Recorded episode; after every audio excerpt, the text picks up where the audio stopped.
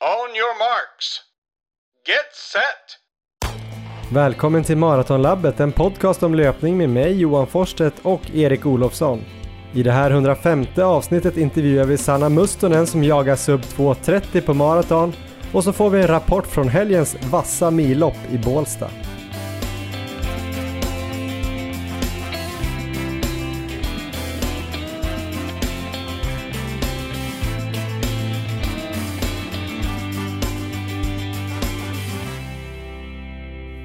Ja men bra Erik, då är vi igång med inspelningen av avsnitt 105 som kommer att innehålla bland annat en intervju med Sanna Mustonen.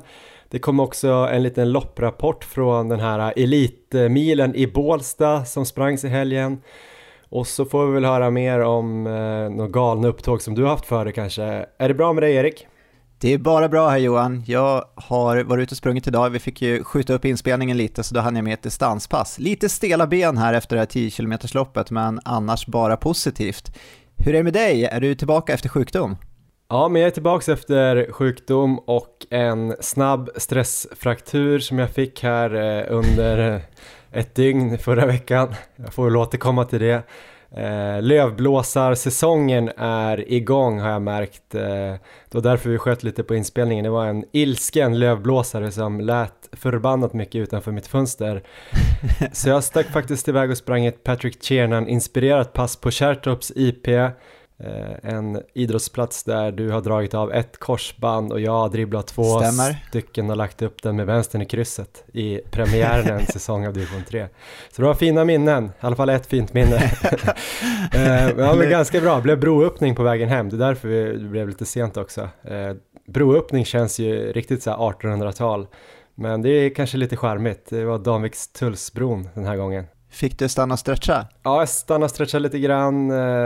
Fick andas lite, jag var lite småstressad. Eh, jag kom på en grej idag att om man ska köra ett bra kvalitetspass så ska man eh, tänka att det kommer ta längre tid än vad man tror att det ska ta. Eh, annars blir det lite stressigt. Kommer tillbaka till det också. Erik, halvmaraton skulle vi springa sa vi senast. Har vi gjort det? Det har vi ju inte Johan, eller jo, jag har ju sprungit ett halvmaraton, du har inte gjort det och det var ju på grund av den här sjukdomen då som kom i vägen. Jag kom till start, men med ett lite annat upplägg än vad jag trodde sist vi spelade in, för då var ju planen att maxa. Men jag kände väl där eh, att jag var ganska sliten veckan innan. Det här loppet skulle ju gå på söndagen och det är möjligt att det var mitt hårda 100 km pass där från veckan innan som satte benen. Kanske inte helt orimligt att det blev så, men jag kände att det började lätta i slutet av veckan, så då tänkte jag att jag ändå skulle köra.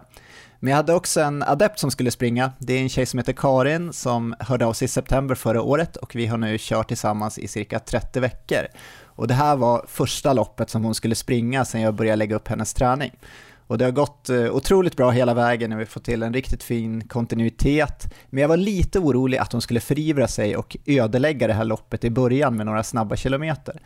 Så ju närmare loppet vi kom så kände jag bara mer och mer att det kändes mer roligt att försöka hjälpa Karin till ett så bra lopp som möjligt snarare än att köra själv. Och jag kommer inte sitta här och recensera hela loppet nu, men jag måste ändå berätta om en händelse från loppet som jag tror tar upp mig själv som huvudkandidat till årets mylfalk. Mm. Det här loppet gick alltså på samma bana som jag nio dagar tidigare sprang 100 km på och då blev det väl sådär 24 varv tror jag. Så man skulle kunna antaga att jag kan den här banan ganska bra. Eh, jag vill nog påstå att jag har sprungit den här slingan säkert fem gånger mer än någon annan under det senaste året. Och den här dagen var det fem varv vi skulle springa. Och jag gjorde ett, eh, om jag får säga det själv, ett riktigt stabilt jobb i tre varv. Det höll en jämn fart och eh, tog mycket vind på de partier där det behövdes. Eh, du var ju där och kollade Johan, så att du, ja, mm. vi sprang jag brett där på där det var motvind. Mm. Jag tror aldrig jag sprungit så brett. Ja, det såg märkligt ut, men eh, ja. väldigt brett. Men på varv fyra så springer jag plötsligt vänster där vi ska höger. Så jag springer fel på min egen hemmabana. Kommer på mig själv hyfsat fort, men vi tappar nog säkert 30 eh, sekunder där. Så det var ju lite synd om Karin där som annars gjorde en fantastisk kämpainsats hela vägen in i mål. Så jag nominerar här med mig själv till Årets Mylfalk 2021. Mm. Har vi några andra kandidater där än så länge? Jag vet inte riktigt, men eh, jag tänkte om inte det här räcker för att du ska vinna så kan man ju lägga till det där som hände innan starten när du hade sagt att hon skulle ta en, eh, en Mårten-gel innan starten för att få lite extra energi och så var hon inte van vid det och blev lite illamående också och sen sprang du fel. ja, den delen kan jag inte ta på mig riktigt lika mycket skuld med måste jag säga. Men, eh, ja, Nej, men man var, kan väl eh, slänga in det för att trimma den här grejen om du verkligen, jag menar om riktiga Myrfalk eller Olle eller något kommer på eh, någon riktigt så dum grej och blir överkörd av, av någon radiostyrd bil eller glömmer bort en Vaporfly och sådär. Då kanske det kan krävas att vi slänger in den här gel-grejen också i det här så att du verkligen får priset. Ja just det, för att säkra segern. Ja, men jag tycker, jag tycker jag sitter i ledning i alla fall så får vi se vad som händer. Det är ju mycket kvar av året. Ja, men eh, skicka gärna in eh, om ni har gjort någon dråplig löparrelaterad händelse här så ska vi slänga in er i den här gruppen av nominerade till, eh, till det här priset. Det är det finaste priset. Det är nog det enda priset vi kommer dela ut 2021. Precis. Men själv då Johan, du har varit sjuk sen sist. Ja, jag har ju det. Det har gått lite så här motigt här. Sist eh, pratade jag väl om att jag hade känt mig lite övertränad och sådär och och grät lite över det som någon, den drama queen jag är. Eh, blev väl så himla upphetsad av den där eh, dåliga sången jag bjöd på i förra eh, avsnittet. eh, Be om ursäkt för det igen. Eh, fick ju hög puls och sen insjuknade jag där på kvällen och natten så jag vaknade med lite ont i halsen. Först tänkte jag bara att det var mitt growlande i, i podden som hade gjort det. Men sen kände jag, nej men jag är nog lite sjuk. Så då beställde vi direkt eh, covid-test. Eh, Emma var också lite krasslig. Fick hem det där eh, på onsdagen och då var jag eh, hyfsat seg. Då tränade jag faktiskt inte den dagen. Annars sprang jag lite distans tisdag. Men sen fick jag ju ett eh, negativt eh, besked där på torsdag kväll. Men det där eh, hängigheten hängde väl i framåt eh, lördag söndag i alla fall. Det var ju lite segt så jag tänkte så här det kanske var en överträning och sen kom det en sjukdom. Sen började jag träna ganska bra igen förra veckan. Så jag körde en sån här uh, modifierad Ingebrigtsen-vecka. Så jag drog igång med Just lite det. snällt tempo på söndagen. Då hade jag väl varit sjuk 4-5 dagar. Så då körde jag väl eh, fyra gånger sex minuter i typ marafart.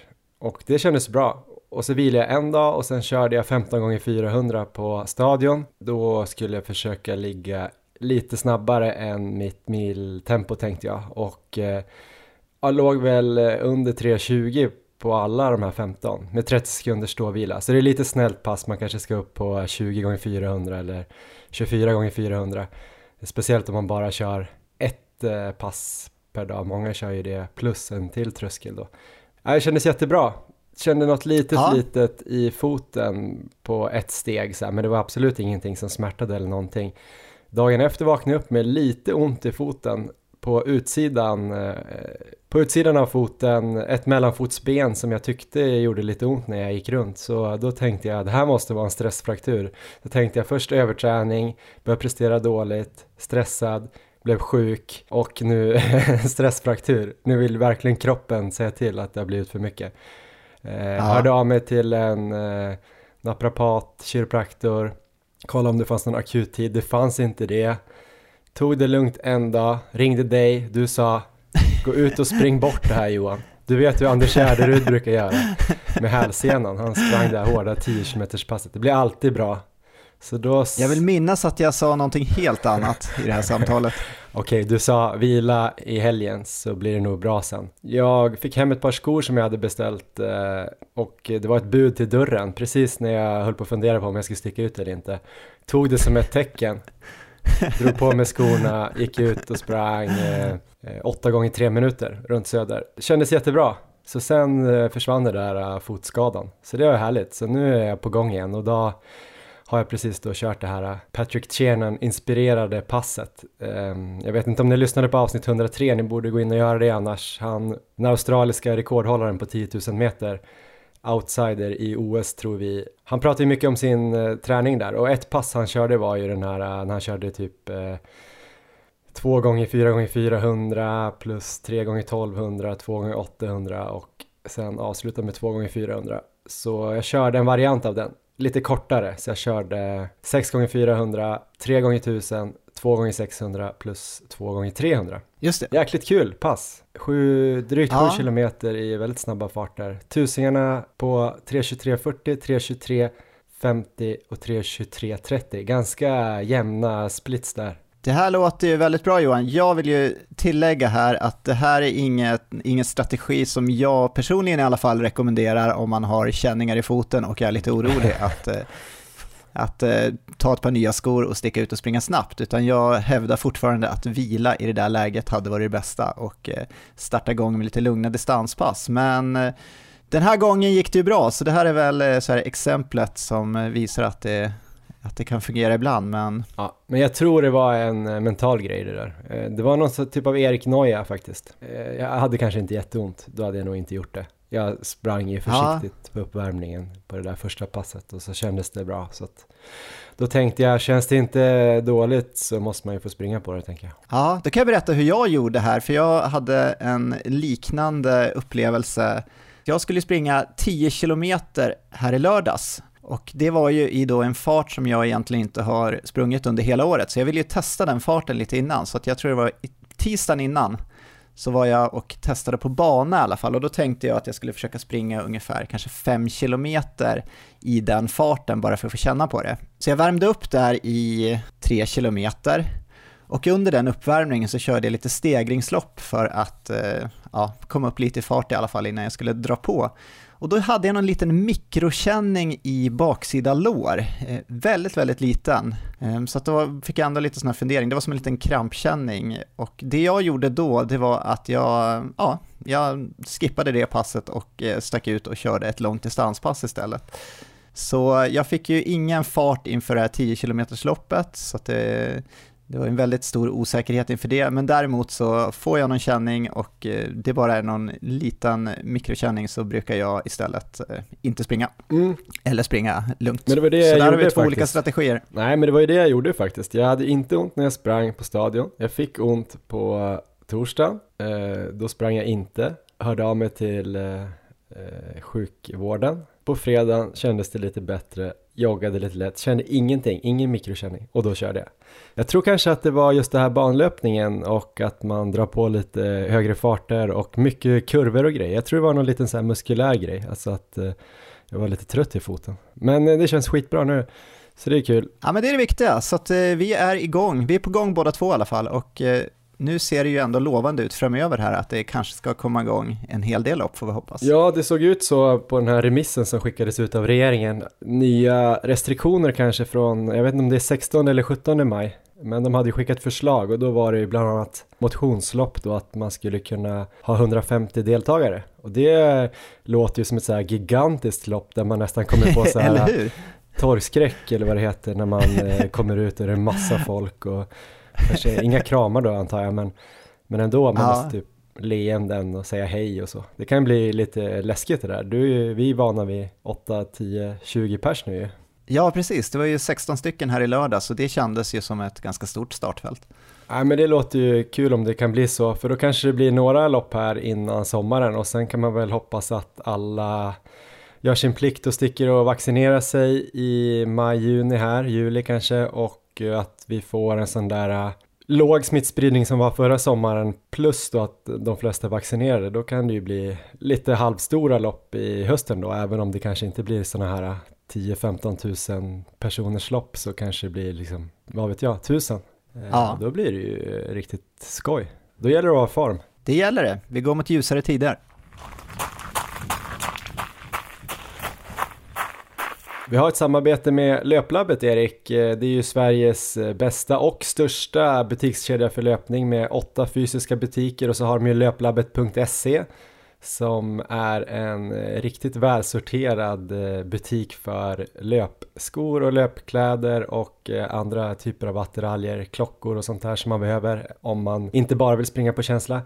Eh, de har ju också massa tester och guider där och eh, för två veckor sedan så släppte de ju den här distansskoguiden som de har gjort eh, de senaste åren. I år var det 14 olika distansskor som de har testat. Ganska många som har testat de här och sen har de fått säga vad de tycker och så har de samlat ihop och eh, ja, de har liksom inte recenserat och sagt vilka som är bäst och så utan mer försökt beskriva olika skor eftersom olika skor kan passa olika bra för olika löpare.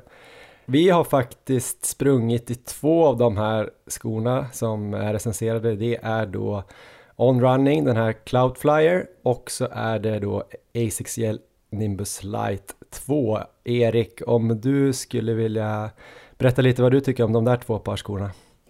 Ja, den här Asics Gel Nimbus Light 2 är ju den jag använder mest på distanspassen skulle jag säga. Och eh, den, eh, den tycker jag står sig väldigt bra. Jag var ju, min absoluta favoritsko förra året var ju den tidigare versionen, så att jag var lite orolig när den här tvåan kom ut, för ibland så kan det ju skilja mycket. Men den här står sig väldigt, väldigt bra, så att den är jag jättenöjd med. Inte hunnit eh, springa lika mycket Cloudflyer, men jag tror jag har två pass i den och eh, även den känns väldigt rapp och eh, bra, så jag är jättenöjd med båda. Ja, båda de här eh, skorna väger ju in någonstans runt 270 gram, i alla fall i min storlek eh, US 9. Det tycker jag är väldigt härligt med distansskor som ändå känns eh, lite halvlätta, så man blir lite sugen någon gång eller man ska köra några strides eller backryck på slutet så känns det ganska naturligt att springa i lite högre farter också. Ehm, men båda är ju ändå så här tillräckligt dämpade för att eh, ha som en ja, volymsko helt enkelt. Så de är bra. Sen fanns det ju mycket andra typer av skor i det där testet. Så gå in och kolla på löplabbet.se. Gå även in och följ Löplabbet på Instagram. För där har de ju också släppt eh, filmer på de här olika skorna. Eh, där Jörgen Lind på Löplabbet eh, ja, presenterar dem och berättar vad som är bra och eh, hur de skiljer sig. Jag såg också att eh, Nike Air Pegasus 38 verkar vara släppt på löplabbet. Det är ju en riktigt klassisk eh, ah, spännande. distanssko. Jag tror jag har sprungit både i 30, 31, 32, 33, 34. Sen har jag faktiskt inte sprungit i, jag tror, ja 35 men inte 36 och 37. Kanske dags att gå tillbaks. Tack Löplabbet! Ja men då har vi kommit fram till veckans eh, lite större intervju. Den har vi gjort då med Sanna Mustonen. Erik, eh, varför har vi gjort den med Sanna Mustonen? Därför att Sanna har en väldigt intressant bakgrund och hon har gjort några fantastiska prestationer här på slutet. Så vi har varit nyfikna länge på Eh, hur hon har tränat och eh, vad hon gör. Så det, det ska bli jättekul att höra. Hon har ju en väldigt intressant utvecklingskurva, inte minst. Eh, hon gjorde ju en 12.24 hösten 2019 som vi kommer snacka mer om och gjorde ett bra försök på sub 2.30 i höstas i Valencia räckte inte hela vägen fram men jag tror att det kommer göra det i sommar och då blir hon ju topp ja, fyra av bästa svenska maratonlöparna just nu i alla fall. Så jäkligt intressant och kul att höra henne. Här kommer Sanna Mustonen. On your marks. Get set! Ja men eh, välkommen till Maratonlabbet Sanna Mustonen, hur är läget? Tack, jo men det är bra. Det är bra med mig. Jag har precis avslutat en distanslektion så nu ska jag ut och springa snart efter den här intervjun. Ja, jag ska försöka hålla, hålla det kort då så att du får ut och, så du inte missar några kilometrar. Eh, du har varit på vår radar ganska länge faktiskt, men nu äntligen fick vi till det, så eh, det känns väldigt kul. Eh, först tänkte jag bara lite snabba frågor här för att eh, presentera dig lite grann. Eh, Sanna Mustonen heter du, hur gammal är du? 29. Hur länge har du sprungit? Oj, eh, sen jag var, ja sen jag var 11, 10 år. Väldigt länge. Vilket är ditt bästa personliga rekord? Det måste nog vara en 12.24. På halvmaraton? Ja. Och eh, vad är Eller kanske för sig, kanske mitt 400 meters pers på 57. Ja, men det är bra. Ja. Eh, rekord på maraton? Ja, det finns ju inte än. än. Och eh, målsättningar då för 2021? Ja, kvala in till eh, VM i Eugene i höst på maraton. Och vad krävs då? Eh, det vet vi inte än, men jag tänker om, om man gör sub 2.30 så har man nog en bra chans. Du nämnde där 1.12.24 på halvmaraton. Det sprang du på eh, hösten 2019 och det var då vi tänkte så här, ah, hon måste ju vara med i podden snart, typ nästa säsong. Eh, sen hände det någonting där på våren 2020 och det ska vi komma till, men först då, det var väl ett litet lyft där hösten 2019. Eh, hur mycket persade du med då när du sprang på 1.12.24? Absolut, det var det verkligen. Jag sprang eh, en 12.24 där i Paris. Jag tror att mitt pers innan det var på, jag tror att det var en 18 kanske, från Göteborgsvarvet. Så jag bytte ju tränare där under sommaren eh, 2019 till Christian Munt. Eh, och sen så tränade vi bara på och så fick jag, jag sprang ett lopp i Norge, Hytteplanmila eh, på 33-35, det var 10 km landsväg. Och sen bestämde vi oss för att ja, vi kör en halvmara för att jag är, jag är i bra form. Liksom. Mm. Eh, och sen skulle vi gå för EM-kvalet som var en 13, sub en 13.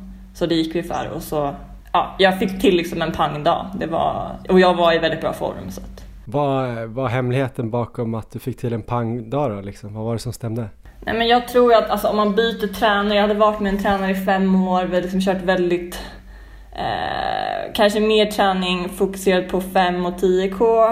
Eh, men med inslag av liksom långa och snabba långpass och sen så bytte jag tränare till Christian och intervallpassen blev liksom så mycket längre. Alltså jag sprang mycket längre i högre farter. Eh, och sen blir man blir en sån här nytändning också när man får lite nya, nya pass att köra och ny struktur och sådär. Så att eh, jag tror att det var ju en kombination av allting. De längre intervallerna där, gav de resultat liksom på alla distanser då eller var det främst halvmaraton som blev eh, mycket bättre?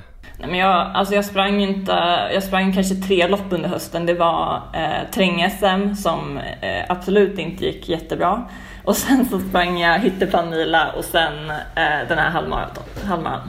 Ja men sen kom det en vinter där och en vår 2020 när det blev eh, lite mer tyst om Sanna Mustonen. Eh, vad var det som hände då? Jag fick ju höra om det mycket senare där på hösten 2020 tror jag när vi tog någon eh, distansrunda ihop. Eh, vad hände där under våren? Hur såg det ut? Nej men jag eh, försökte ju fly vintern i Sverige så jag åkte till USA, eh, köpte en bil och bodde i en bil i sju månader och åkte runt i USA, i södra USA. Jag hade ju tänkt att tävla, jag hade tänkt att komma hem men så kom corona så det var liksom inte ens på tapeten. Eh, och jag tränade på och sen när jag kom hem så eh, var jag bara så mentalt trött. Eh, det var inte kanske det var inte optimalt att bo i en bil och träna och det kanske jag skulle eh, förstått innan. Men hur mycket tränar du då? Hur mycket reste du runt med den där bilen? Berätta lite om det livet då. Du bodde ju typ i öknen, jag har sett bilder därifrån. Eller det var som i väldigt häftiga miljöer. Ja, det var ju alltså en fantastisk resa men absolut kanske inte optimalt för löpningen. Men, eh, ja, men jag fick ju det där lyftet eh, då 2019, hösten 2019. Och då blir det så att man börjar titta framåt. Man är ju liksom en tävlingsmänniska och man vill hela tiden bli bättre. Eh, så då börjar man väl trä, alltså, vi började väl lägga upp träning och lite mål. Och då liksom, jag tror att vi landade kanske på 14-15 mil istället för 12-14.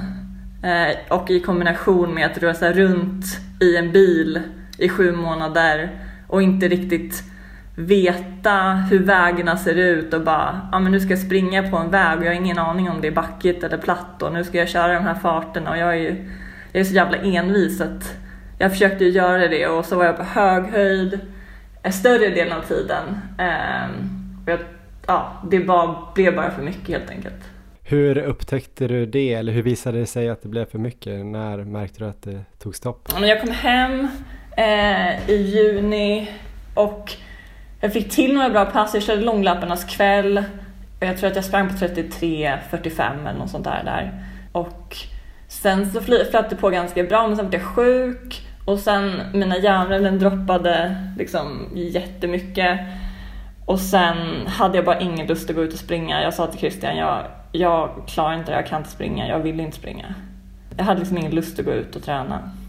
Vi pratade ju lite om det i förra avsnittet också, så jag tänkte att det var också spännande att koppla det till det och eh, höra dina tankar kring det liksom så här i efterhand och vad var det som gjorde det? Hade du kunnat märka det tidigare? Ja, men jag tror ju att om man ska satsa på elitlöpning på det här sättet så behöver man, ja men det ska vara väldigt på rutin och då går det inte att åka en bil eh, och liksom inte ha koll på rundorna eller träna. Alltså det, det kräver ju ganska mycket mental energi att liksom köra de här riktigt tuffa passen. Eh, och om man inte har sällskap då så blir det ju extremt jobbigt att liksom köra dem. Mm. Eh, så jag, jag, tror att jag bara brände ut mig eh, mentalt. Ja. Hur länge satt det i då? När kunde du börja komma tillbaks och när fanns det ett sug att träna igen då? För du blev ju bra här i höstas igen. Ja, alltså jag tror att jag tog ungefär tre veckor eh, där jag liksom bara sprang när jag fick lust sådär. Körde ganska mycket utomhusgym, jag fick för mig att det skulle vara roligt. Mm. Um, det var så bra väder så jag gick bara till utomhusgymmen. Um, men sen så kommer jag faktiskt ihåg där fjärde veckan så var jag ute och sprang med några kompisar, vi sprang ut i Nackareservatet. Så började jag liksom tävla mot motionärerna i spåret. Och jag bara, okej, okay, nu är jag redo att börja träna igen. liksom då kände jag ändå att den där ja, lusten att tävla och pusha sig själv fanns ja, på något sätt. Men eh, hösten 20 här då, du tränade ju väldigt hårt där för att springa under 2.30 i Valencia. Mm. Det var det jag kommer ihåg mest. Hur såg det ut och eh, vad hände i Valencia egentligen? Ja, alltså vi la ju upp en träning då för Valencia, så vi hade anmält oss till Valencia till eh, det här personal best. Eh, och jag var ju, det var ju tanken liksom ända från när, ja, i april när vi anmälde oss tror jag. Eh, men ja, Christian la upp träningen och jag har ju aldrig maratränat förut. Så det var ju extremt långa pass. Men det gick ju väldigt bra och, och jag tror väl någonstans i grund och botten att maraton är liksom det som jag kommer bäst på. Eh, så passen satte jag liksom utan, ja men det var jobbigt och det var absolut kämpigt men jag satte dem och eh, det är väl en sak med Christians maraträning att den är väldigt hård men man är väl förberedd för ja. vad som komma skall. Vad var det bästa passet du satte innan Valencia? Alltså, jag skulle säga att det var Uh, jag sprang faktiskt med dig Johan, uh, en bit av passet. uh, jag, körde, jag körde 30 kilometer. varav 15 skulle gå i någon så moderat fart, typ 4, jag tror vi höll 407 tror jag, något sånt där. Eh, och sen skulle jag gå in på banan och köra 5 km i marafart. Sen skulle jag köra eh, 5 km varav en minut snabbt, en minut långsamt och sen 5 km marafart och sen var det några kilometer, jag kommer inte ihåg, men det var ett långt pass och det var liksom alla olika farter som man kan tänka sig. Eh, så jag skulle säga att det var mitt bästa pass, men Christian skulle nog säga att det var mitt 25 km pass ute i Östhammar när det snöade. Det var jättekallt eh, och jag sprang 25 km då i 3.37 men då var det så att jag fick bromsa mig själv och inte springa liksom 3 34, 35. Häftigt. Um, sen då, 3.33 är väl eh, 2.30 fart, eller hur? Precis. Pace. Uh, I Valencia höll ju den farten eh, väldigt länge ändå, mm. tycker jag. Men det hände någonting där. Har du analyserat eller berättat först vad som hände? Och... Nej men jag, det var ju, det fanns ju några olika klungor liksom. Så att uh, i och med att 2.29.30 är den internationella OS-kvalgränsen så var det en relativt stor klunga som skulle gå för, det var liksom två pacers i den klungan så jag kände att ja, men jag går med i den här klungan eh, för nästa klunga skulle gå i 2.35 och det kändes som att eh, men vi satsar och det var ändå det jag hade tränat för. Mm. Um, nej men jag låg med där och femmorna tickade på, det kändes bra. Uh, upp till vad ska jag säga, 24.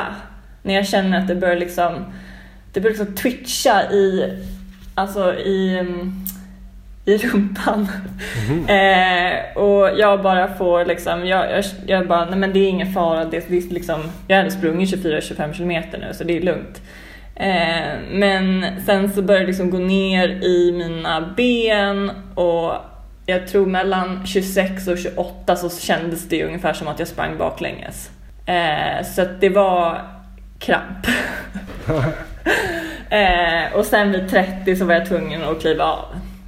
Det gick liksom inte att springa och jag, eh, ja, det, det, var, ja, det var fruktansvärt. Jag är verkligen van att få kramp på maraton så jag vet ju precis den här känslan när man kanske känner sig ganska pigg i övrigt men eh, det går liksom inte att eh, styra över sina muskler i benen. Eh, har du någon förklaring till varför det händer dig och har det hänt förut eller? Nej, men jag har väl, alltså, jag har väl försökt, jag har kommit fram till någon analys och analyserat det här och eh, det var väl delvis kanske att klungan gick lite snabbt, några femmer som liksom gick lite för snabbt. Eh, jag tror att vi passerade halvmaraton på 1.14.17 vilket var lite snabbt. Så redan där låg man väl lite på gränsen tror jag. Och sen så fick jag inte riktigt i mig tillräckligt mycket energi under loppet. Eh, och det var en så stor faktor som jag var väldigt rädd för innan. För att jag har inte tränat så mycket med energi förut. Och sen tror jag liksom att kanske att träningen, jag satte alla pass men jag kunde inte riktigt absorbera den träningen eh, då och ja, då. Den grejen hade jag faktiskt tänkt att komma in på också, för det är ganska intressant, för det är en sak att bli skadad för att man tränar för mycket, har för dålig återhämtning eller att man blir övertränad och less och sådär. Men just det här när man egentligen klarar av all träning blir bättre men man kanske ändå inte riktigt får ut allt av den träningen. Eh, hur kände du det eller har du känt i efterhand eller? Ja, men jag känner väl nu att jag kanske har fått mer ut av den träningen och så är det ju med träning att liksom, det är inte det du gör du får inte ut någonting av passet du gjorde igår. Alltså det är ju månader av träning som ligger bakom till resultaten. Men eh, jag har väl dragit analysen att eh, när man maratränar så kan man äta extremt mycket mat mm. eh, och extremt mycket kolhydrater och jag tror inte jag fick i mig tillräckligt mycket mat under den perioden.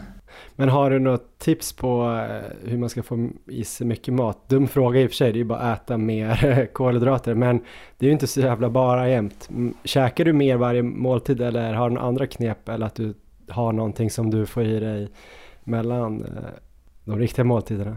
Jag försöker verkligen så här, vara duktigare på att äta mellanmål. Eh, för jag kan, alltså jag känner så portions, portionerna kan inte bli större utan det är liksom eh, de mellanmålen och det man gör i mellanmåltiderna som, som verkligen spelar roll. Och sen eh, nu är det så standard, alltså jag kör inte ett pass utan energi. Det spelar ingen roll vad det är för pass. Eh, om det är 90 minuter distans så har jag energi med mig. Mm. Bara för att vänja kroppen vid det också. Hur kom du fram till det här då, att du skulle få i dig mer energi? Och finns det någon typ av rädsla bland elitlöpare att få i sig för mycket energi? Ja, men absolut. Jag tror att det är många som kan identifiera sig vid det. Det är ju ändå en sport som... Ja, det finns ju en korrelation mellan vikt och prestation. Eh, sen måste man hitta en väldigt bra gräns där så att man inte går över eller under gränsen. Men jag tog hjälp av en dietist eh, och fick liksom väldigt så konkreta tips vad jag skulle göra. Eh, och det skulle jag väl rekommendera alla att göra. Eh, jag tror mm. att det är svårt att se över sin egna kost utan att få, ja men speciellt om man är elitlöpare. Men eh, hur ser din vardag ut nu då? Du pratar ju om att det måste gå på rutin när man är elitlöpare och ska springa så mycket. Du springer väl typ 15-16 mil i veckan och jobbar 90 eh, procent. Eh, hur får du ihop det? Ja, eh, nej men alltså på något sätt så har ju corona varit lite positivt för att det har varit mycket distansundervisning och då är det ju så här om inte jag har lektion så kan jag ju faktiskt sticka ut och springa. Eh, jag är lärare eh, mm. i engelska och psykologi. Så att eh, annars är det så här, man kan springa från till jobbet. Ja men verkligen hitta de där, alltså det måste ju liksom, du får bara anpassa dig efter ditt schema. och sen ha liksom fasta tider när du kör dina intervallpass och försöka med dig personer som kan pusha dig och hjälpa dig när det blir jobbigt. Jag har inte specialstuderat din träning sådär just idag men det känns som att ni ofta kör eh, kanske två stora pass i veckan, stämmer det? Eller hur ser det ut? Ja, men det är väl lite av Christians filosofi att eh, intervallpassen ska ju vara ganska liksom mastiga och, och, eh, och sen är det mycket vila mellan intervallpassen. Men har du dem, eh, hur ser en vecka ut då? Ja men oftast så är det intervallpass på tisdagar och kanske fredagar. Men det beror lite på, det är inte alltid att det är så. Eh, det kan ju också vara att man kör ett lång, längre långpass och då kanske, eller ett hårdare långpass, då kanske det ligger på lördagen. Ja, sådär. Så att det är inte... Men väldigt ofta intervallpass på tisdagar eh, och sen återhämtning upp till det nästa kvalitetspasset, kanske något distanspass där och sen ett hårt liksom, långpass. Och hur kan de här intervallpassen se ut då? Jag såg att du körde något eh, hyfsat maffigt pass här med, jag tror det var 12 gånger 1000 plus en snabb 5 kilometer efteråt. Eh, hur var det? Berätta om det passet. Ja, men eh, ja, det gjorde jag förra tisdagen. Eh, då körde jag 12 gånger 1000 i 3.15 med 90 sekunders vila. Och sen efter det så körde jag en femma. Och då tränar vi ju bara på att springa med trötta ben. Och det är väl lite det vi har fokuserat på nu också. Sen körde vi ett till pass, det, var ett långpass där jag skulle köra 6 kilometer i, ja vad skulle det gå i, 3, 35, 3.40. Sen 5 gånger 400 meter. Sen på en femma igen. Eh, och sen tillbaka till banan och kör 200 sen kör en fyra och sen kör 100 efter det. Ja. Ja, man får ha papper och penna om man ska lyssna på det här och skriva ner allting. Men eh, ja, jag fattar ungefär. Du coachar också några adepter själv vet jag. Jag vet inte exakt eh, vilka distanser de ska springa. Jag vet i och för sig att en satsar på maraton. Men tror du det här med att ha två kanske stora intervallpass i veckan är en melodi just för maraton och kanske halvmaraton eller är det någonting man skulle kunna använda sig av även för kortare distanser eller skulle man då kanske hellre köra det här med liksom fler kortare kvalitetspass, typ dubbeltröskelvariantstilen? Jag tror ju för, mar ja, absolut, för halvmaraton och maraton att eh, du måste ju träna, du blir ju bra på det du tränar på. Eh, sen är det ju absolut att du måste lägga in lite fart för att få överfart och kunna eh, springa kontrollerat och bygga löpekonomi. Men eh, jag tror ju mer på dubbeltröskel när det kommer till kortare distanser. Mm. Det har vi en ganska bra bevis på också. Men tror du även kanske för eh, motionärer, säg hyfsat drivna motionärer som också kanske jobbar, har familj och sådär, kan det också vara en variant att köra väldigt fokuserat på välja ut två dagar kanske när man kan förbereda sig optimalt. Nu låter det nästan som en ledande fråga här men... Ja men precis som jag sa att om, om du ska springa maraton och halvmaraton så måste dina pass vara relativt långa. Ja, och då funkar det inte att köra tre kvalitetspass i veckan. Nej, eh, och jag, då tror jag att liksom mentalt också att det är mycket lättare om man kanske sätter två dagar där man ska köra sina liksom, hår, jag, jag tror verkligen på hårda dagar och lätta dagar. Spännande. Om man kollar eh, framåt här nu då. Jag vet att du ska springa, nu spelar vi in det här på torsdag och så släpps det här tisdag. Då ska du ha sprungit en 10 kilometer i Bålsta. Vad tror du om det, om det loppet först och främst? Ja, um, jag ska ju springa då med Erik.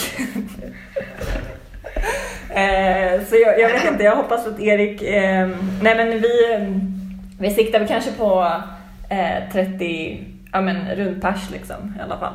Så får vi se, vi går ut i den farten och får se hur kroppen reagerar. Så runt 33-30? Ja. Men samtidigt har du ju kört vissa pass, jag var med på Bosön när du körde 7 gånger 2000 i typ 3.22 kanske snitt. Yeah. Det känns ju ändå som att eh, du kan göra 7 gånger 2000 i den, de farterna så... Ja, nej men alltså sen är väl inte fokus den här tian utan fokus ligger ju den 9 maj, eller åt, är den 8 9? Ja, eh, i Jordbro. Eh, där jag ska springa halvmaraton. Det är den 9 maj, vad tänker du då? då? Eh, ja men då kommer vi gå för sub 72. Och hur känns det då? Ja, alltså det var någon som frågade mig häromdagen ja, men hur känns formen? Men det, det vet man ju aldrig. Man, uh, det, det känns liksom, det är alltid jobbigt att springa. men uh, det känns som att om jag får till en bra dag, vi får till den här lite tapering här, så tror jag att det kan gå. Härligt! Och till dig då Sanna får jag väl tacka och önska dig lycka till både i helgen, nästa helg och på det här 2.30 försöket. Tack så mycket! Ja Erik, eh, det där var alltså Sanna Mustonen som du fick eh, lyssna på och som du också fick träffa här i lördags i Bålsta. Först och främst den här intervjun, eh, har du tänkt någonting kring det hon sa där? Ja, vi kan ju börja med att förtydliga att Sanna ska försöka kvala i höst till VM som går i Eugene 2022. Det skulle egentligen ha gått i år men har blivit flyttat ett år framåt för att inte krocka med OS då i år. Just det.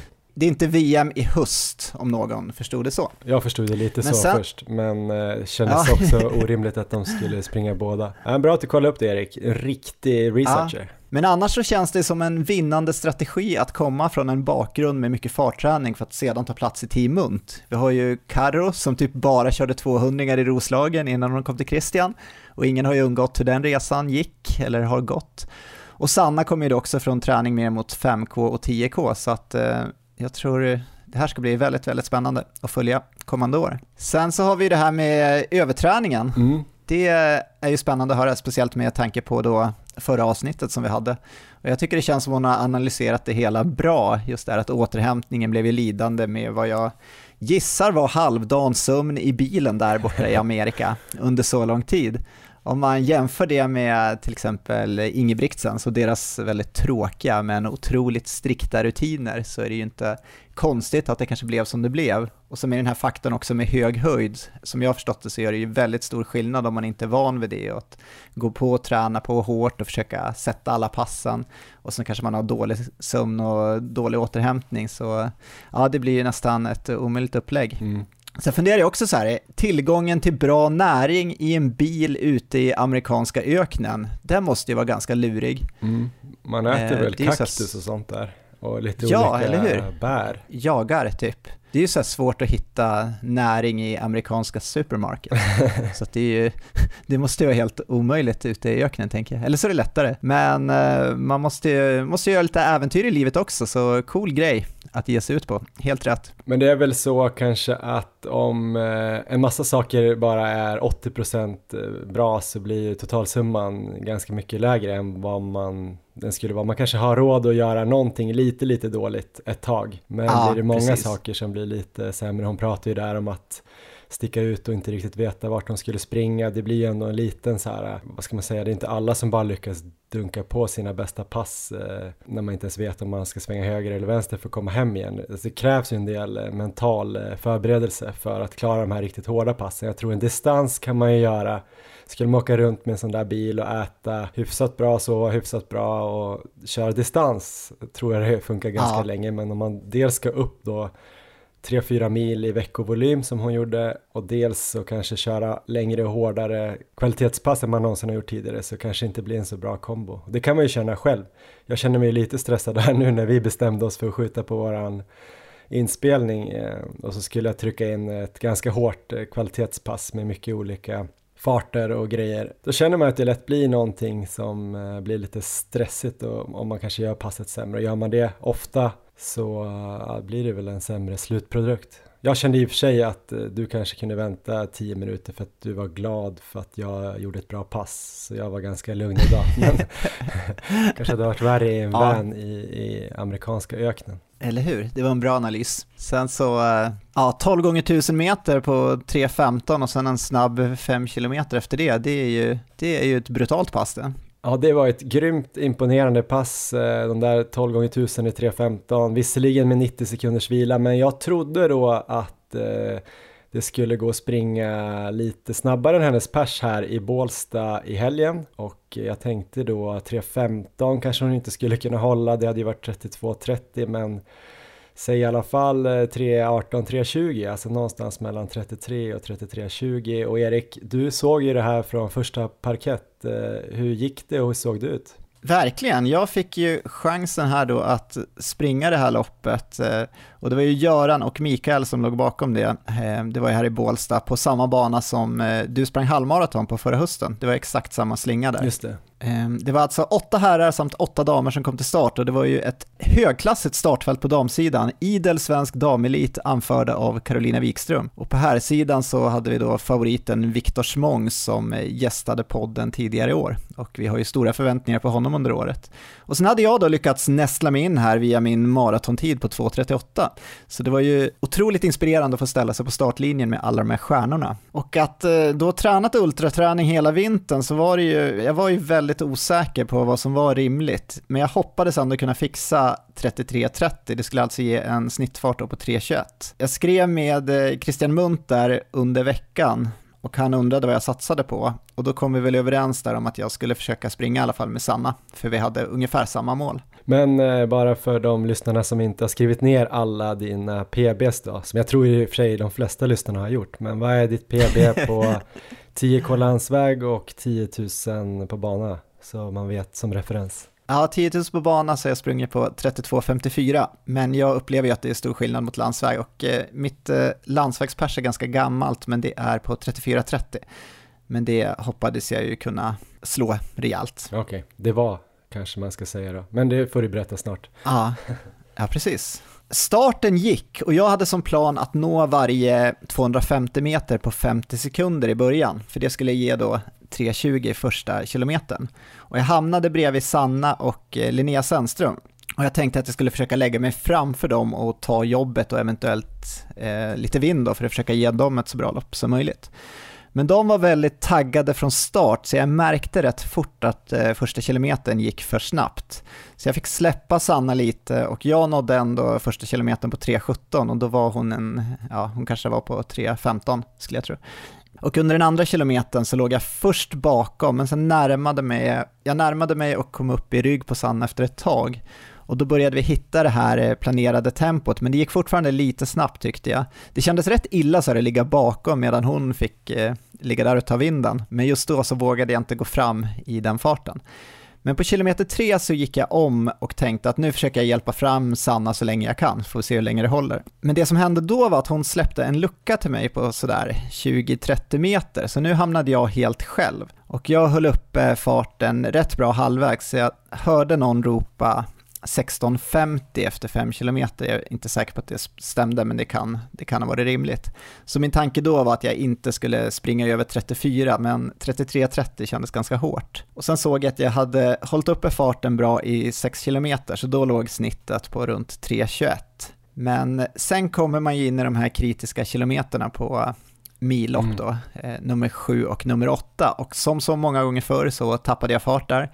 Det blev mer 3.29 eh, fart där. Så det var väl dels att det var den biten av loppet, men jag såg även sen på Strava att nästan samtliga som sprang tappade på kilometer 7 och 8.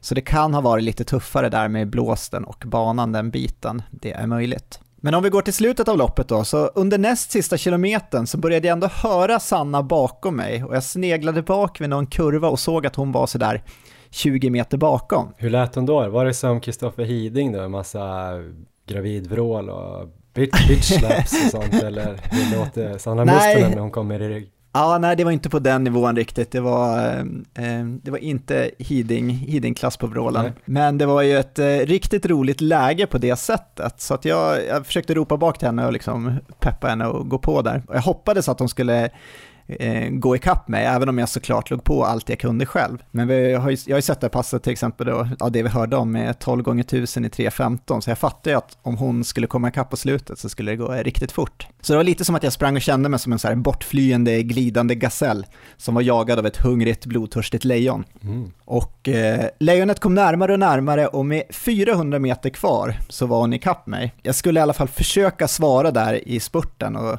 ja, köra på så hårt jag kunde och kanske hjälpa henne till en lite bättre tid. Så när hon går upp bredvid mig och ökar farten där med 400 meter kvar så tänkte jag så här, game on, och så börjar jag spurta. Men då plockar hon fram de här gamla 400 meters skillsen som vi hörde om i intervjun där. Så efter typ fem, fem, sekunder så var hon 20 meter framför mig. Det var som att Oj. jag stod helt still. Så att, eh, jag tror inte jag hade vunnit den spurten än som jag hade in, ja, startat mitt lopp där och bara skulle ta mig till mål, så hade jag, jag hade inte haft en chans ändå. Riktigt eh, mäktig avslutning och eh, imponerande och kul att få se så här på nära håll. Så Sanna gick i mål på eh, 33.42 och jag på 33.48. Eh, så det var, ju, det var ju kul hur loppet blev sprunget och väldigt eh, välarrangerat där av Bålsta stadslopp. Men sen så kunde vi såklart eh, hjälpt varandra mer om vi hade hållit en jämnare fart hela vägen, gått ut lite lugnare så hade vi kunnat legat ihop istället så tror jag att det kunde blivit ett bättre resultat på slutet. Mm. Men jag hoppas där att min, eh, min rygg där på slutet i alla fall kan ha hjälpt Sanna att springa några sekunder snabbare. Mm. Vi ska lyssna lite till vad hon sa efter loppet. Du fick ju snacka med henne lite också, så här kommer en intervju med Sanna Mustonen efter Bålsta 10K Elitlopp i lördags. Då är det lördag första maj och vi är vid Bålsta IP här efter att ha sprungit 10 kilometer. Jag står här med Sanna Mustonen som just har kommit i mål på 33.43. Hur upplevde du loppet idag Sanna? Eh, na, jag var väl lite, lite övertaggad första två kilometerna så jag gick väl ut lite för snabbt. Eh, och sen hade jag dig Erik, liksom, i, du gick om mig efter typ två eh, och så hade jag bara dig inom räckhåll. Eh, och sen sista tre bara nej, jag, jag, jag måste jag måste ta Erik idag. så eh, det var, det var väldigt bra att jag hade det men jag hade, det hade nog varit bättre om vi hade kunnat jobba tillsammans. Ja precis, jag hamnade där lite före men du måste ju ha sett mig där hela loppet där. Ja. Och sen sprang jag och ropade lite på dig i sista kilometern där för jag förväntade mig att det skulle komma en rejäl spurt och den kom. Det var en riktigt bra avslutning du fick till i alla fall. Jo men det, det var väl det, det enda positiva. Jag är väl inte jättenöjd med tiden men jag tycker faktiskt inte att det var ett jättefint arrangemang men jag tycker faktiskt inte, det var lite för mycket kurvor för att springa riktigt snabbt tror jag. Uh, ja. ja, jag tyckte det var ett väldigt bra lopp ändå och eh, vad händer nu närmast framöver? Uh, ja, nästa helg ska jag springa en halvmara i Jordbro uh, och sen efter det så tar vi lite återhämtningsvecka och sen bygger vidare mot sommaren. Just det, och målsättning i Jordbro, vad är det? Sub 72 på halvmaraton. Ja. Jättebra, tack så mycket Sanna. Tack, tack så mycket. Ja, det var som du var inne på, det gick lite snabbt i starten, det var hon inne på här igen, att hon var väldigt ivrig och det skulle vara intressant att veta vad det där gör. Hur mycket gör fem sekunder snabbare kilometertid än vad man har tänkt eh, snitta totalt eh, för liksom prestationen på loppet? Hur mycket bränner man? Erik, jag vill ha ett rakt svar från dig nu. Ja, det blir 20 sekunder totalt i totaltid. Jaha. Nej men det känns ju som att eh, i princip alla tänker ju att man ska gå ut lite försiktigt kanske. Säg att jag då som vill springa på 34 eller 33.59 ska hålla 3.24 då så tänker jag men jag kanske kan gå ut till och med i 3.28 första kilometern och sen komma in i loppet och så ligga runt 3.25 några kilometer och sen successivt och sen kanske avsluta på 3.20, 3.15 att det är det rimligaste ja. sättet att springa på. Men likförbannat kommer ju säkert jag också gå ut i 3.15 eller någonting för att det känns så lätt, man är peppad, man eh, kanske har vilat ja. lite grann, folk springer ifrån en. Det känns ju superlätt att springa 3.15, 3.20 om man är tränad för 3.24 i början alltså. Ja. Men frågan är hur mycket man ja, det... hinner samla på sig då i, i mjölksyra och andra produkter. Ja, det är så väldigt lätt hänt. Den där första kilometern är svår att hålla igen på. Sen så tror jag att just eh, senare då i loppet, de här kilometerna 7-8, för där är det svårt att hålla uppe farten alltså, rent mentalt och att eh, kriga sig igenom då, den biten. Och har man då dessutom med sig en tuff inledning så blir det ännu svårare och där tappar man mycket tid då. Så att de få sekunderna man vinner på att öppna då så snabbt, det, det kommer kosta senare. Mm. Ja men kul eh, race, eh, de här loppen vanns ju då på här sidan av eh, Viktor Smångs som vi haft med i podden som du nämnde tidigare och Karo Wikström då som har varit med flera gånger i, podden som vann på damsidan. Du fick ju prata med dem också, ska vi köra dem först och sen snacka lite om, om deras lopp eller vad tycker du? Ja men det låter bra. Ja men här kommer Carolina Wikström och Viktor Smångs. Då har jag fått med mig Carolina Wikström. Vi är i Bålsta och du har precis sprungit här på cirka 32.42. Hur var ditt lopp idag? Mitt lopp var ganska hårt. Eh, jag körde utan att kolla på klockan, skulle gå lite på känsla, mest som en genomkörare inför Jordbro nästa helg. Men eh, det vart, eh, nej men det vart hårt. Efter fem kilometer så liksom fick jag överlägga med mig själv om jag kunde gå av med heden i behåll eller inte. Men jag kom fram till att jag inte kunde det så det var bara att fortsätta. Men eh, med tanke på att det kändes så hårt så är jag ändå rätt nöjd med att ja, tangera tiden som jag fick för några veckor sedan. Just det, om du jämför de två loppen i Dresden och idag, vad var den stora skillnaden? I Dresden sprang jag ju helt själv och det blåste mycket mer. Eh, det här loppet var väl utmanande framförallt med kurvorna skulle jag säga. Eh, jag måste jobba lite på det, så här tvära 90 graders kurvor, hur man ska ta dem. Eh, och sen så, jag vet inte riktigt, det var ju bättre väder idag. Lite bättre sparring, det var fler runt omkring mig så. Så att, jag hade väl hoppats på att kanske kunna springa lite snabbare men jag är ändå nöjd. Jättebra och eh, Jordbro nästa vecka, vad har du för målsättning där? Eh, ja, men landa någonstans eh, under 70 minuter. Eh, sen så, det verkar vara ett gäng som ska springa där runt omkring så att man kommer väl försöka gå med en klunga. Så någonstans mellan 69.30 och eh, 70. Jättebra, lycka till där. Tack så mycket. Ja, tack själv. Då står jag här med Viktor Smångs som vann herrklassen idag på 30.38. Hur var ditt lopp idag Viktor? Uh, eh, men det var tufft. Det var... Jag sprang i Norrköping två helger sedan. Då var det, då var det lättare ben. Uh, började väl, ja men började bra ändå. Tre första kändes väldigt lätt. Um, men så alltså, min, min GPS-klocka brukar vara typ tre sekunder, sekunder för snäll. Men idag, första loppet någonsin så var den precis på liksom, exakt som den ska vara. Så jag först, öppnade två första i 2.55 som brukar vara 2.58. Men nu var det 2.55 så då var det ju, ja, det fick man lida efter, tre, efter fyra så var det ju lite började bli stumma ben. Och det ska ju inte vara stumma ben efter fyra, det ska vara typ efter 6-7 så att, eh, ja men det var ändå helt okej. Okay. Och vi hade ju ett banrekord här som Otto Kingstedt hade som du missade med tre sekunder. Hade du koll på det på slutet?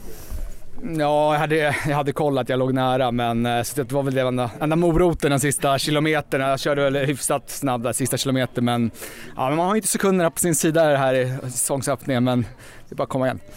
Ja, vi tror ju att sub 30 kommer när som helst för dig, men vad är, vilket mål är närmast nu? Nej, men det, är, det är all in på 10 km. Det är sub 30, det är, liksom, det är därför man springer just nu. Så att Anderstorp kanske kan vara en bra, som har lite ryggar att gå på. Nu har man ju fått sprungit eh, själv här två lopp och ja, men det är lite tufft att hålla, bara kolla på klockan och se till att man försöker hålla sig under, under 3.00 liksom.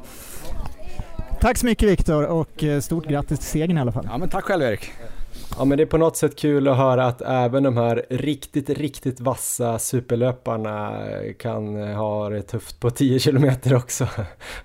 De är inte maskiner. Det känns som att båda fick eh, jobba och kriga ordentligt mentalt. Ja, båda gör ju ändå väldigt bra insatser tycker jag och eh, om vi börjar med Viktor då så sub 30 kommer ju och kanske då framförallt i ett lopp med några fler som går för samma tid där så att han kan få lite draghjälp också och slippa slippa ligga helt själv. Så det är ju bara en tidsfråga innan han eh, kommer gå under där.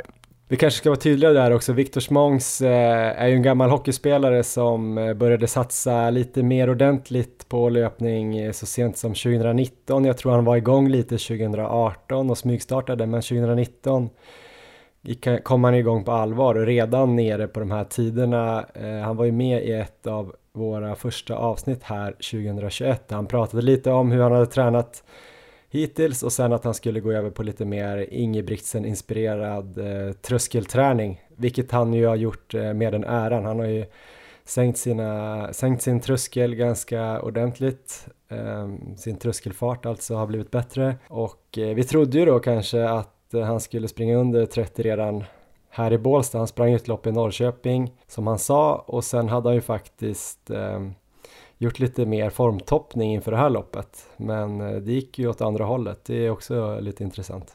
Ja, precis. Det, ja, det går inte att lyckas varje lopp. Och Carro som återigen gör ett bra lopp. Eh, vad fick du för intryck av henne då, förutom det hon sa i intervjun? Ja, jag fick ju se där i början då, i ett par kilometer i alla fall och det såg ju väldigt lätt ut där framme. Sen så, eh, ja, det var väl som för många andra där att det blev tufft eh, på slutet. Men jag tycker ändå det är ett bra besked. Eh, det var ju som hon var inne på, att banan kanske ändå inte var det allra snabbaste och det var väl tangerat persen då. Mm. Jag snackade lite efteråt med henne och det var ju intressant att höra lite inför OS nu då. Nu siktar de ju hårt på värmeträning så att hon ska försöka inreda eh, pannrummet där i bostadsföreningen till ett eh, värmerum. Mm. Ta ner ett löpband helt enkelt och ja, man kanske skulle slänga upp en tv där på väggen och sen så skulle hon köra värmeträning på löpbandet där nere och då kan vi väl gissa att det är på något maratonlopp där mm. på storbilds-tvn framför. Så så kommer eh, många av hennes dagar se ut här framöver. Mm. Så det, det är hårt. Ja men bra lopp helt enkelt. Hon kommer väl släppa upp träningen ännu mer nu inför Jordbro halvmaraton här på söndag. Vi ska också tillägga att Hanna Lindholm sprang ju superbra. Hon kom tvåa, jag Verkligen. tror det var typ 10 sekunder efter. Och jag tror att det var första gången hon var under 33 minuter på uh, landsväg. Jag är inte helt säker men uh, riktigt bra. Hon är också i en hård träningsperiod skrev hon på Instagram. Hon ska väl förhoppningsvis kunna testa att springa OS-kval där då på maraton här framöver. Ja, det är om två veckor såg jag så kommer hon springa i Milano. Mm. Så det blir ju väldigt spännande. Det såg ju otroligt bra ut i lördags så att eh, ja, vi får hålla tummarna för Hanna där, att hon får till en riktig fullträff. Kul med lite tävlingsnerv och lite race reports. Det är ju inte så mycket sånt nu för tiden.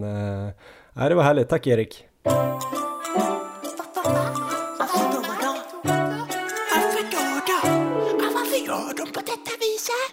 Veckans fråga lyder ungefär så här, jag kommer inte ihåg den exakt för vi fick den faktiskt förut men vi har inte besvarat den och det var en person som undrade hur vi menade med det här att eh, man inte kanske alltid behöver planera in eh, lågvolymveckor, alltså återhämtningsveckor om man kanske inte är på eh, yttersta elit. Eh, eh vissa säger ibland att det brukar automatiskt bli så att man kanske blir sjuk eller har mycket på jobbet eller ska åka iväg på någon semester eller sådär så blir det automatiskt då och då lite sådana här äh, återhämtningsveckor eller veckor när man inte kan träna lika mycket.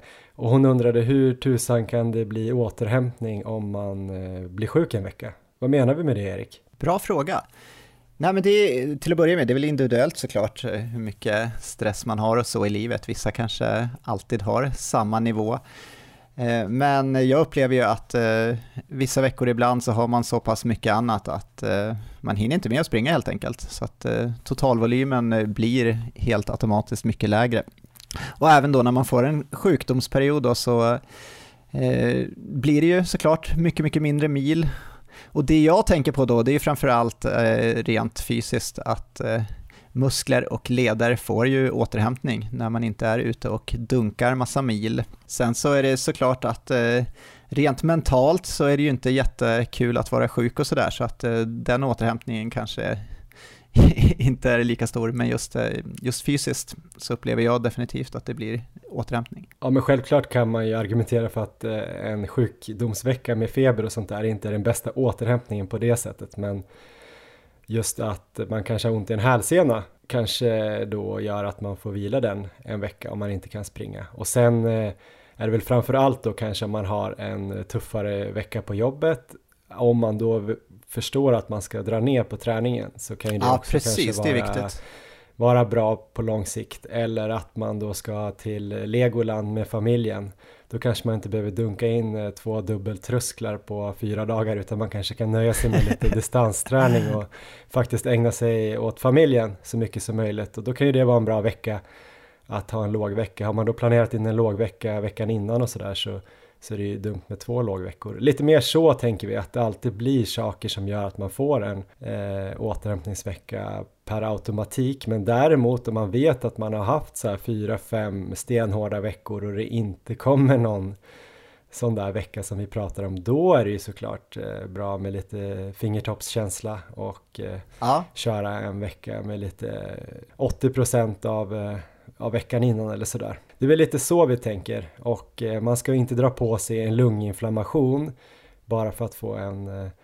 en återhämtningsvecka, då är det bättre att planera in en återhämtningsvecka. Vi ska vara väldigt tydliga med det. Men jag kände faktiskt Sant. nu när jag var sjuk förra veckan, det som hände då, för jag var ju lite sliten innan, hade väl precis börjat känt lite lust att komma igång igen, blev sjuk, kändes ju riktigt dåligt, men då känner man ju att eh, jag använde mig av tipsen från avsnittet där som vi hade spelat in och kollade vilopuls. Jag hittade också att man kunde kolla HRV, alltså den här hjärt, eh, heart rate variability på min pulsklocka. Så då såg man ju där att jag hade hög stress då enligt klockan. Kroppen inte mådde bra helt enkelt. Så då sprang jag ju väldigt lugna distanser bara på puls och såg till att jag låg lågt. Eh, blev riktigt så här eh, lite nere och eh, less men samtidigt så väcktes det ju ett sug att börja träna hårdare igen så förra helgen när jag började pigna till och då låg jag ute i torpet på kvällen och skrev mitt nya träningsschema här för de här sista åtta veckorna, maj, juni innan jag tror att jag kommer få göra min sub 34 och var riktigt, riktigt inspirerad in i den här förra veckan. Så att eh, på så sätt kan ju också en förkylning bli, ja det är inte bra men man får väl se det som man kan se positivt får man väl se positivt. Så jag blev väldigt sugen av att eh, vila några dagar. Ja, absolut och inte stressa tillbaka då efter sjukdomen utan se till att man är fräsch innan man kör igång. Ja men det gjorde jag faktiskt ganska bra även om du klagar på det där med den påhittade stressfrakturen så, så började jag ju direkt att tänka att jag skulle in i en ny hårdare vecka men då tänkte jag nu har jag inte tränat så bra fem dagar så då smög jag igång lite grann med distans först, det kändes bra. Sen gjorde jag ju fyra gånger sex minuter, ganska snällt ju i maratonfart. Eh, det var ju max 80% av ett riktigt pass, kanske inte ens det liksom. Och sen har jag ju tänkt att hela förra veckan var ungefär 80% av en normal vecka så jag tror det landade kanske på 7 mil istället för 9 mil. Eh, och sen har jag tänkt att gå på lite hårdare den här veckan, kanske 85-90% av, av, av 9 mil då, så det kanske blir runt 8. Och även kvalitetspassen tar jag bort lite grann, lite volym. Ja. Så eh, jag tror att efter den här veckan är jag nog tillbaks igen och då har det nästan varit 10-14 dagar när jag har liksom ändå anpassat det lite grann. Det där tycker jag låter helt optimalt Johan. Jag, är, jag känner mig väldigt nöjd och stolt här över hur du har skött det. Ja, men hur ser det ut eh, för dig då framöver här Erik? Har du någonting i sikte? Ja, det har jag. Vi kanske ska diskutera det, för jag vet inte vad jag ska göra här. Jag har lite beslutsångest, ja. så att vi kan väl försöka ta ett beslut här. Jag har ju lyckats anmäla mig till ett lopp till här som är om sex dagar nu, Oj. alltså här på söndag, och det är Jordbro halvmaraton slash maraton. Det är alltså två distanser som finns möjlighet att springa. Och när jag då insåg att jag hade chansen att eh, anmäla mig till det här så anmälde jag mig till maraton. Ja, kul. Och det, det känns ju, det kändes då liksom så här, ja vad kul, eh, springa ett maraton. Men jag har ju inte tränat för maraton, jag har inte sprungit i någon marafart alls. Det, är ett otroligt, det vore ju ett otroligt udda upplägg att köra inför en mara, att först köra massa ultraträning och sen slänga in lite korta distanslopp bara. Så, eh, men då finns ju möjligheten här att köra halvmaraton. Jag såg att eh, Kristoffer eh, Hiding hade skrivit till mig idag och undrade om jag verkligen skulle springa maraton eller om jag var sugen att eh, eh, försöka springa med honom där och eh, Sanna eh, och satsa på en bra tid på halvmaraton istället. Och det kanske är ett smartare upplägg. Samtidigt så känns det kul att ändå springa maraton, om jag nu skulle göra det, och se hur hela den här träningsperioden bakom, vad det, vad det kan göra, om det blir totalt fiasko eller om jag jag kanske persar. Det kanske är ett ultimat upplägg. Kanske alla kör så här, kör ultraträning hela vintern. Kipchoge börjar springa 100 km pass och grejer. För alla oss du? andras skull då kanske inte ska springa maraton, för om det persar så måste vi andra springa ultraträning. Eh, nej, jag vet inte, när är eh, nästa viktiga lopp då som du ser det? Du har väl några stora mål här i sommar, när är eh, SM på 100 km? Det är två månader sen framåt. Så att jag har ju ändå gott om tid känner jag. Mm. Ehm, jag hoppas väl, hoppas väl kunna inte vara sliten allt för länge. Och mellan Jordbro och det loppet så är det ju ingenting spikat alls va, som man vet om. Eller har du några S i rockärmen? Jag har inte hört något lopp som är spikat. Det kommer kanske invänta det här om de nya eventuella restriktionerna. Då kanske det kommer ploppa upp lite grejer men just nu vet man ingenting va? Nej, ingenting. Jag gissar att det kommer komma upp mycket lopp däremellan på alla olika distanser, men eh, det skulle vara kul. Jag känner ju just nu att jag är lite så här, jag är sugen på att springa lite av allt möjligt, från 10 km upp till ja, 100 km som jag här sprang för två veckor sedan och att slänga in Mara nu vore ju riktigt roligt. Så att jag är ju laddad och inspirerad inför det, men frågan är om det är dumt alltså. Det kan väl inte vara Kanske dumt? Kanske är det. Alltså du, du springer en Mara till frukost, alltså det är helt sjukt. Du, det, det märks ju inte på dig. Spelar väl ingen roll, du måste göra det du är sugen på. Jag tror alla som lyssnar på podden i princip, förutom då kanske Hiding, vill att du ska ja. springa maraton. Jag tänkte föreslå att vi skulle lägga upp det på Instagram som en sån här poll att man fick eh, rösta, men jag vet ju att det kommer vara 95-5 till springa maraton så det är onödigt att ens lägga tid på det. Det kommer ju bli maraton. Men det är väl kul? Ja. Eller? Är inte det? Ska vi säga det, det då? Låter ju här, du är ändå nyfiken på vad kan den här ultraträningen ha gett för din maratontid? Där har du ju svaret. Ja, ja men då säger vi det då. Då, då, är, det, då är det maraton som gäller. Ja, Jordbro maraton om sex dagar. När vi släpper det här så är det alltså fem dagar framåt. Så då får vi se. Um, jag går för pers, ja. så kan vi säga. Grymt, det ska bli kul att se. Jag tror jag kommer ner som eh, reporter för SVT och bevakar det där loppet så då får jag väl eh, skrika lite på dig också när jag inte jobbar då.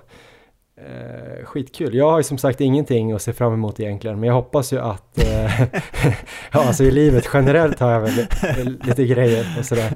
Men Verkligen. alltså inga lopp vad jag vet, så det känns ju lite trist. Men jag är fortfarande ganska inställd på att det kommer något i juni om inte annat. Det skulle vara kul att springa en femma, en tia landsväg och en kanske en 10 000 på bana. Jag har väl antagligen bäst chans på sub 34 på, på bana antar jag. Om jag inte vill hitta något Ja. lopp som är helt rakt och helt platt med medvind. Jag bedömer skillnaden där till en minut ungefär. Bana gentemot landsväg, det är så jag upplevde. Så att, eh, eh, vill du göra det enkelt för dig själv, eller enkelt är det ju inte, men eh, bana sub 34 är väl eh, där, där de största chanserna finns. Men du kan ju köra båda. Mm. Ja, men det skulle vara kul att köra båda och förhoppningsvis ha ungefär lika bra dag på båda för då kan man väl se vad skillnaderna är. Det beror ju lite på såklart vad det är för sträckning och så. Men jag tror kanske inte att det är en Ja. minut. Men jag har alltid tänkt att det i alla fall är 30 sekunder. Ehm, och jag vet inte hur världsrekorden ser ut men jag antar att det är snabbare på bana. Men sen har jag pratat med Ja. några som tycker typ så här, ja men jag springer bättre på landsväg. Alltså om det inte är svängigt och uppför och sådär såklart. För att det är helt platt på en bana, man kan pacea sig lättare och sådär. Så rimligtvis är det ju fortfarande snabbare på bana. Men sen vet man ju inte om man inte får använda kolfiber, tjocka kolfiberskor på bana. Då kanske landsväg är snabbare. Jag vet inte. Ja, ah, just det. Vi har ju det också. Ja. Men jag får väl köra spikskor med min nya fotskada här. Nej, det får du inte. Det är förbjudet. Det är podd, poddlagar vi har här. Inga spikskor. Ja men kul, jag pratade med Erik inför det här loppet, han sa kör spikskor. Det är också Alltså, kul för du- vetenskapen i Du podden. missförstår mig hela tiden, känner jag. Ja, innan det spårar ur, eh, vi kanske ska sluta nu Erik och eh, tacka alla som lyssnar, det är skitkul. Ni kan ju följa oss på Instagram också, där heter vi Maratonlabbet och på Strava heter vi Johan Forsstedt och Erik Olofsson. Superbra. Kul det ska bli med maraton. Hinner du köra något eh, formskapande eh, skapande pass innan lördag, söndag? Det är så konstigt upplägg det här. Jag måste väl testa farten imorgon då. Hoppas att benen är hyfsat fräscha och eh, då får jag köra lite marafart imorgon. Vad kan vara lämpligt då? Två gånger fem kanske? Ja, max tror jag. Är det... Ja, jo men det kanske skulle funka. Nej men det är bra. Det tror jag är bra. Eh, Ja, då i, kör vi det. eh, vad blir det då då? 3.35 fart? 3.38? Nej, det, blir, det låter snabbt. 3.40 då kanske? Ja. ja, men det fixar vi. 3.39, något sånt där. Fan vad kul. Ja, vi får se. PB bärs på söndag. PB bärs på söndag. PB bärs på söndag. PB bärs på söndag. PB bärs på söndag. Ses på söndag. Hej då. Hej då.